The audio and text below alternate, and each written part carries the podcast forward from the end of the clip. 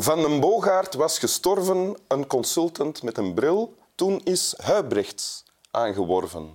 Niemand merkte het verschil. Van Johannes Sebastian Stuur, de huisdichter van Humo. Uh, en af en toe inleider van Winteruur. Welkom in Winteruur, Kort van Negem. Dank je wel, Wim Helzen. TV-maker en presentator, radiomaker en presentator met rusten. Zo is dat. En uh, auteur ook. Je laatste boek gaat over een Litouws genie. Hoe heet het boek?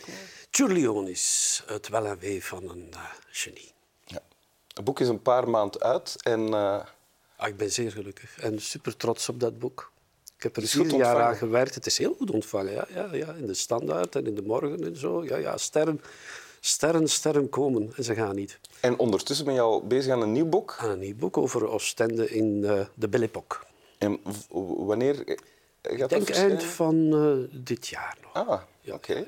Ja, dan, dan, ja, dan moet het verschillen. Dat, dat, klinkt als een uh, optimistische prognose, niet? Maar het is altijd optimistisch om prognoses te maken. Maar ik, ik ga dat, dat moet lukken, hoor. Ja? Ja, ja dat gaat. Oké. Ik zit ver, het gaat goed. Ja. Er is enorm veel interessant materiaal. Ja.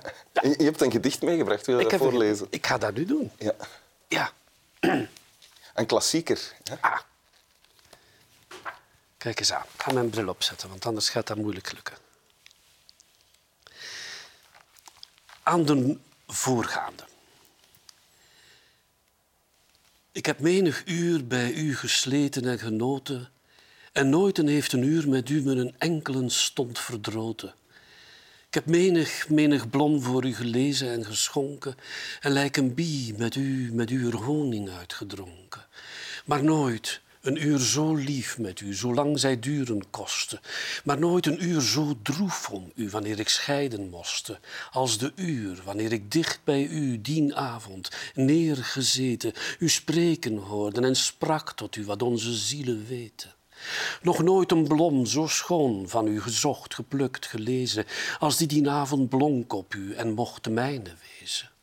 Of schoon, zowel voor mij als u, wie zal dit kwaad genezen? Een uur bij mij, een uur bij u, niet lang een uur mag wezen.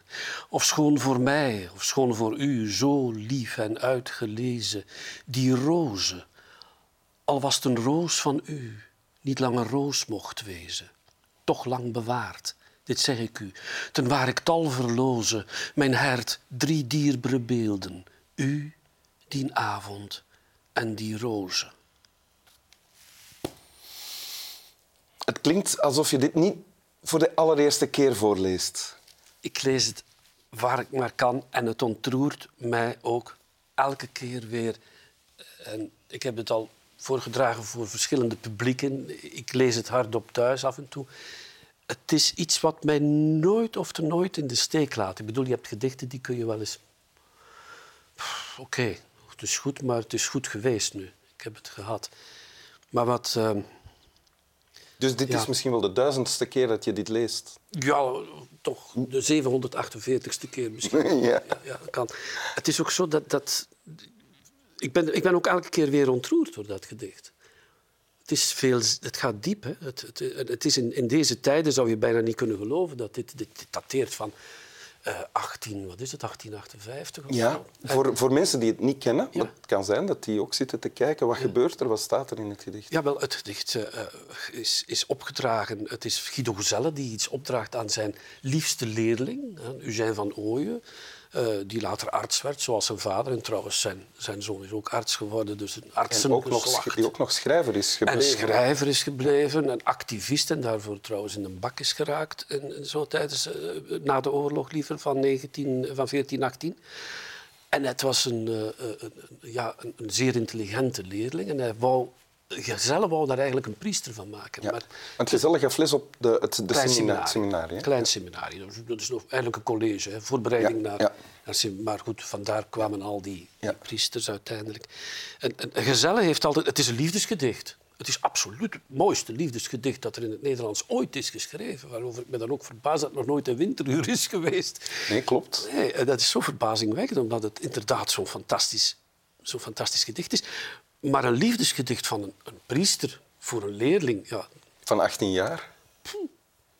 In MeToo-tijden zou dat niet kunnen. Dat zou gewoon... eh, ja, dat zou helemaal niet kunnen. Het was in die tijd ook op het randje, want eh, Gezellen is toch van die school afgesmeten. Gezellen is... Omdat hij te nauwe banden zou hebben met... Met, met- met studenten, Ja? dat klopt, met leerlingen. En het, het was ook voor hem zo. Hij heeft daar eh, trouwens ooit een tekst geschreven naar, eh, naar Eugène van Nooyen, waarin dat hij uitlegt er bestaat iets anders dan het heidense liefde, dus de lichamelijkheid zal ik maar zeggen, iets dat veel hoger is. Eh, eh, daar, daar, daar had hij het dan wel over. Dus hij, bracht het naar een ander echelon. Maar tegelijkertijd kun je niet voorbij aan die symboliek. Oké, zij waren twee mensen die van de natuur hielden. En Gezelle wist heel veel over de natuur. En uiteindelijk van Ooyen ook, want daar praten zij veel over. Je merkt het in het gedicht, zo begint het ook. Ja. Eh, ze, ze- ze hebben al menig uur gesleten, hè, letterlijk. Ja, over bloemen en bijen gepraat. Ja, precies, over bloemen en bij. Maar de symboliek ontgaat toch niemand als je dan een roos en ontsproten en, die, en, enzovoort. Het, het, het, eh, het is zo onvoorstelbaar. Eh, waarom raakt mij dat? Omdat ik hier de verliefdheid op de liefde ontdek. De verliefdheid op de liefde. Ja. Van een priester dan nog wel, die dus ook wel zegt van oké, dat daar gaan we niet aan meedoen, aan die echte lichamelijkheid.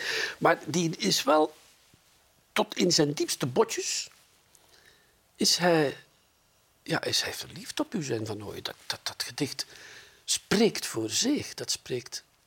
Je, je, kunt, je kunt daar niet omheen. Hè. En her- herken je dat dan? Eh, de verliefdheid op de liefde? Oh jawel. Ja? Oh jawel. Eh, herkenning, dat is er denk ik bij heel veel mensen. Echte liefde is waar, waar, naar tracht, waar men naar smacht. Het, het, het is een heel groot onderscheid tussen wat liefde betekent. en Dat weten we natuurlijk in deze tijden veel beter dan toen. Liefde en seks zijn gescheiden gegevens. Maar ware verliefdheid die die een verbintenis met elkaar brengt, die een gehechtheid aan elkaar brengt, die het niet zonder kunnen. De grote romantische 19e-eeuwse liefde, ja, die, die is onvoorstelbaar aanwezig. Ik merkte dat ook toen mijn boek over Giulioni schreef. Die had een zeer goede vriend hè, in, in, in, in eh, ehm, Leipzig eh, en, en, en eigenlijk eerder nog in, in- waar hij studeerde in, in Warschau. Eh, de brieven die zij naar elkaar schreven, daar zouden wij nu van denken... Goh, dat zijn twee Jeannetten. Maar dat was niet zo. Ah. Nee, helemaal niet zo.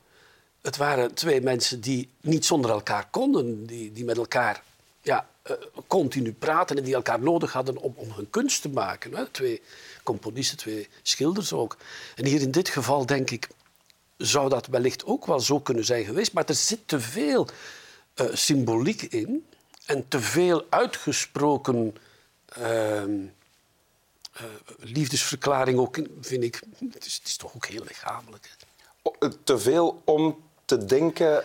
Ja. Het was eh, eh, Het louter... was louter platonisch. Ja, ja. dat- dat- Maar tegelijkertijd, we weten het niet. Hè? nee, we weten het niet. we weten het We niet. weten, en we zullen En misschien doet het er ook niet toe. Nee, want het enige wat telt is, ja, het is echt ware liefde. En ware liefde, dat is ook het enige wat ook Is er op telt. dit moment ware liefde in jouw leven? Beste Wim, er is al vele jaren ware liefde in mijn leven. Ik ben de, de, de, de meest gelukkige getrouwde jonge man van deze wereld. Is het waar? En dat al menig jaar. Ja.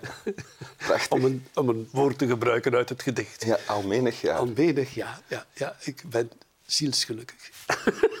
Wil je het nog eens voorlezen? Ik ga het zeker doen. Met veel genoegen. En ja, het... nu denkt men aan de liefde. Het gedicht is, heeft soms ook de titel Dien avond en dien roze. Ja. hè.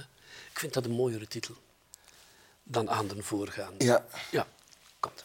Anders moet je het nu voorlezen. Ja, ik ga het zo zeggen. Eh, dien avond en die roze van Guido Gezelle. Ik heb menig, menig uur bij u gesleten en genoten.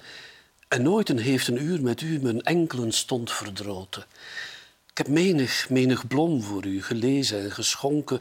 En lijk een bie met u met uur honing uitgedronken. Maar nooit een uur zo lief met u, zolang zij duren kosten. Maar nooit een uur zo droef om u, wanneer ik scheiden moste, als de uur, wanneer ik dicht bij u, dien avond, neergezeten, u spreken hoorde en sprak tot u, wat onze zielen weten. Nog nooit een blom zo schoon van u gezocht, geplukt, gelezen, als die die avond blonk op u en mocht de mijne wezen. Of schoon zowel voor mij als u, wie zal dit kwaad genezen? Een uur bij mij, een uur bij u, niet lang een uur mag wezen. Of schoon voor mij, of schoon voor u, zo lief en uitgelezen, die roze, al was het een roos van u, niet lang een roos mocht wezen. Toch lang bewaard, dit zeg ik u, ten waar ik tal verloze, mijn hart, drie dierbare beelden, u, die avond en die roze. Dank u. Ja, hè? Slap wel. Liefde. U, die avond en die hond. Die hond, hè? Ja.